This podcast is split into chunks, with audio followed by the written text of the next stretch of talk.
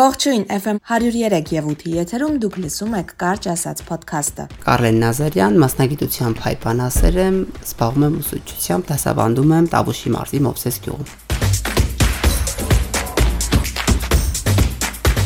Այսօրվա էպիզոդի հյուրը Կարլեն Նազարյանն է։ Կարլենը հայոց լեզվի եւ գրականության մասնագետ է։ Երիտասարդ ուսուցիչ է, ում կյանքում պատահած ցախորտությունները հիմք են հանդիսացել, որ Կարլենն այսօր հերավոր սահմանապահ Մովսեսում դասավանդի եւ ինչ որ բան փոխի, թե մանկավարժության մեջ, թե երեխաների եւ թե իր կյանքում։ Ուսուցչությամբ զբաղվելը որքան ստրեսային աշխատանք է այսօր։ Իրական շատ ստրեսային է, բայց համեր շատ հավես է, որովհետև ամբողջ ընթացքում դու առնչվում ես զարգացող նոր քարեր կատարող երեխեքի հետ դու տեսնում ես իրանց ամենօրյա աճը, այդ աճը տեսնելուց ու այդ աճի մեջ քո ներդրումն ունենալու ընթացքում լիքը ստրես ես ապրում, բայց այդ ստրեսը հետո քեզ օգնում է, օգնում որ դու մասնագիտորեն նաև բարձրանաս ու որպես անց բարձրանաս։ Ավելի մեծ ճանաչողություն ձեռք բերես, որովհետև ճանաչում ես մարդուն, իր զարգացումը, այդ հեշտ չի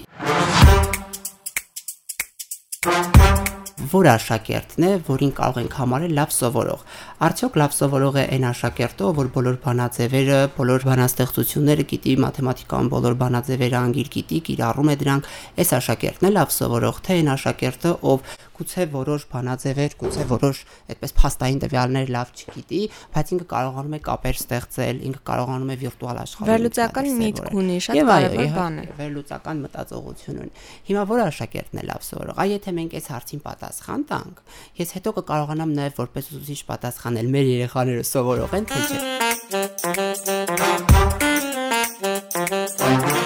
Առաջին զախորտություն իմ կյանքի դպրոցն է եղել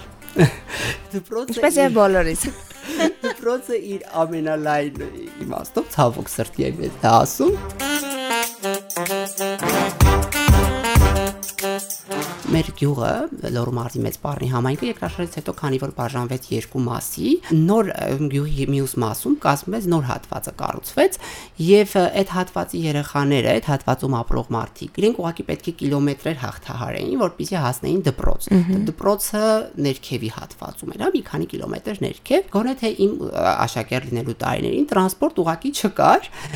հետո երբեմն հատկացնում էին տրանսպորտ, որը մի ամիս աշխատում էր, նորից փչանում էր ու այսպես Եվ մենք պետք է ոդկով գնայինք հասնեինք դպրոց ու մենք ոդկով ձմռանը այդ ցուրտ եղանակին երբ որ հասնում էինք դպրոց,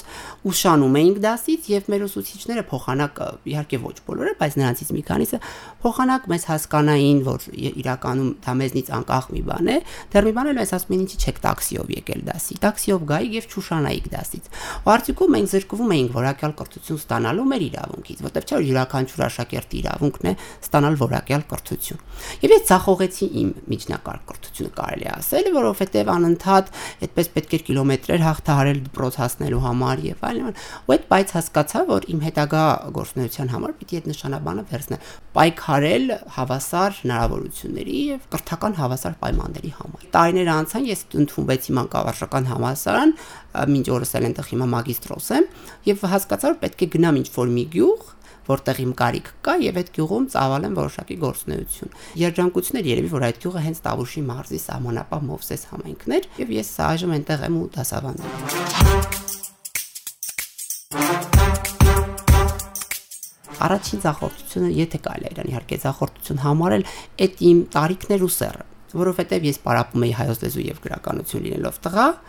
եւ երիտասարդ տղա ու ինձ վստահում էր լուրջ դասարաններ բավականին մի պահ երբ որ ես մտա դասարան ներկայացա ասացի ով եմ որտեղից եմ եկել ես զգացի որ երեխեքը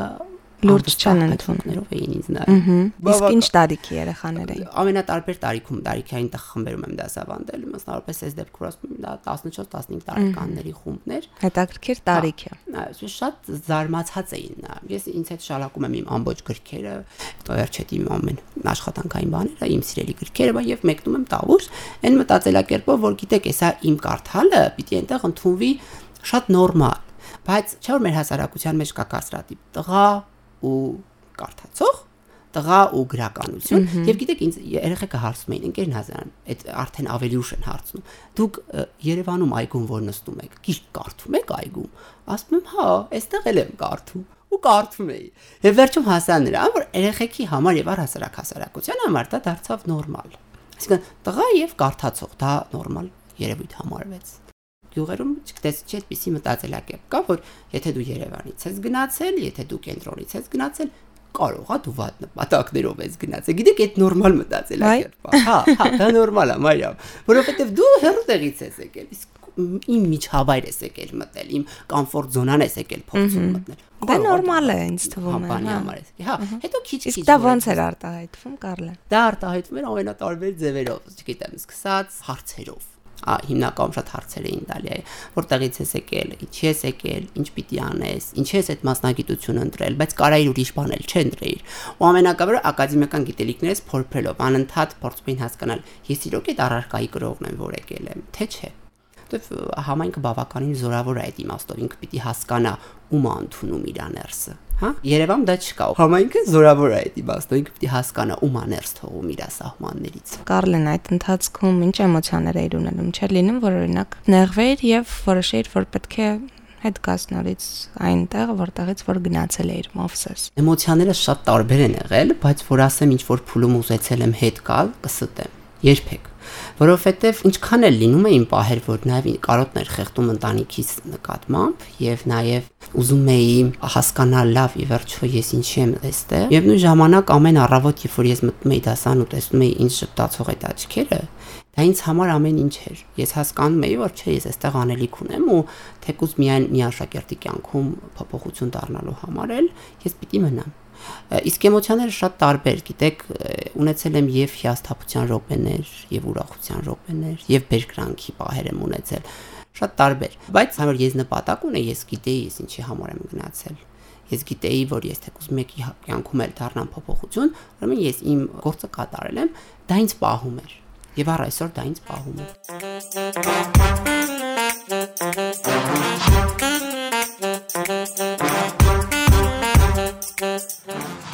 երբեմն երեխեքի հարածները ինձ են վերագրել, իմ անձին են վերագրել։ Հետո հասկացել եմ, որ չէ, ինձ հետ կապ չուներ ախր։ Այդ երեխան ուղակի ինչ որտեղից, ինչ որ մի հատ պատմություն էր իր հետ բերել դպրոց։ Հա, հասարակ բան, օրինակ մի օրինակ բերեմ, մի օր իմ աշակերտներից մեկը դասից ուշացել էր, եւ աշակերտս մի 5 րոպե ուշացած որ մտավ դասարան, ես մի փոքր կոպիտ իրեն ասացի, որ ինչու ես ուշացել, եւ երեխեն դες նեղված տղա այդ տղան նստեց, որ զանգը տվեց, Պարզվեց, որ փաստորեն ինքը փողոցում ուղակի հանդիպել էր մի մարդու տարեց, ով որ իրեն ինչ-որ արտահայտություն էր արել, ինքը նեղվել էր դրանից ու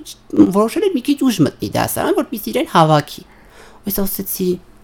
միթե էլի, տեսեք, երեխեն իրոք դրսում պատմություն էր ունեցել, ինչ իրան խանգարել էր, որ ինքը ժամանակին հասներ դպրոց։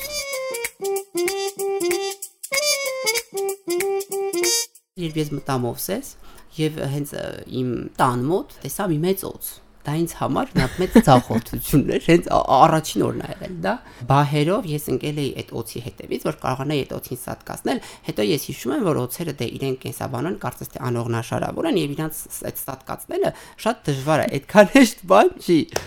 Եվ հետո ես այդ օծի հետ ընկերացա նույնիսկ, այդ հասկացա չեմ սատկացնելու, վերջի տարբերակը ընկերացա եւ Այդպես այդ օծը բարբերաբար գալիս էր իմ դան մոտ։ Մենք իրար հետ զրուցվենք, ես իրան պատմեի իմ այդ իրեն պատմեի իմ մանկավարժական առօրյայի մասին, իմ այդ օրերի մասին ուսուցչական եւ ու այդ օծը գնում էր հետ։ Իմիջիայլոց այնտեղ շատ վախեր հաղթահարեցի։ Սարսափելի վախենում էի բարձրությունից, ահա որ ձեր այն այնտեղ հաղթահարեցի այդ վախը վախեր ունեի փոքր շներից տարօրինակ է մեծերից չէի վախենում փոքրերից վախենում այնտեղ այդ ֆոբիան էլ էլի քիչ-քիչ հաղթահարեցի ուսուցչությամբ զբաղվել խորհուրդ կտամ եւ թե միայն այն երիտասարդներին, ովքեր իրոք պատրաստ են իրենցից մի բան վերցնեն ու տան աշակերտին։ Եթե իրենք պատրաստ են դրան, այսինքն իրենցից մի բան մոռանալ աշակերտի սրտում, մոռանալ աշակերտի ներաշխարում, թողնել այնտեղ ու գնալ, ապա միանշանակ թող զբաղվեն։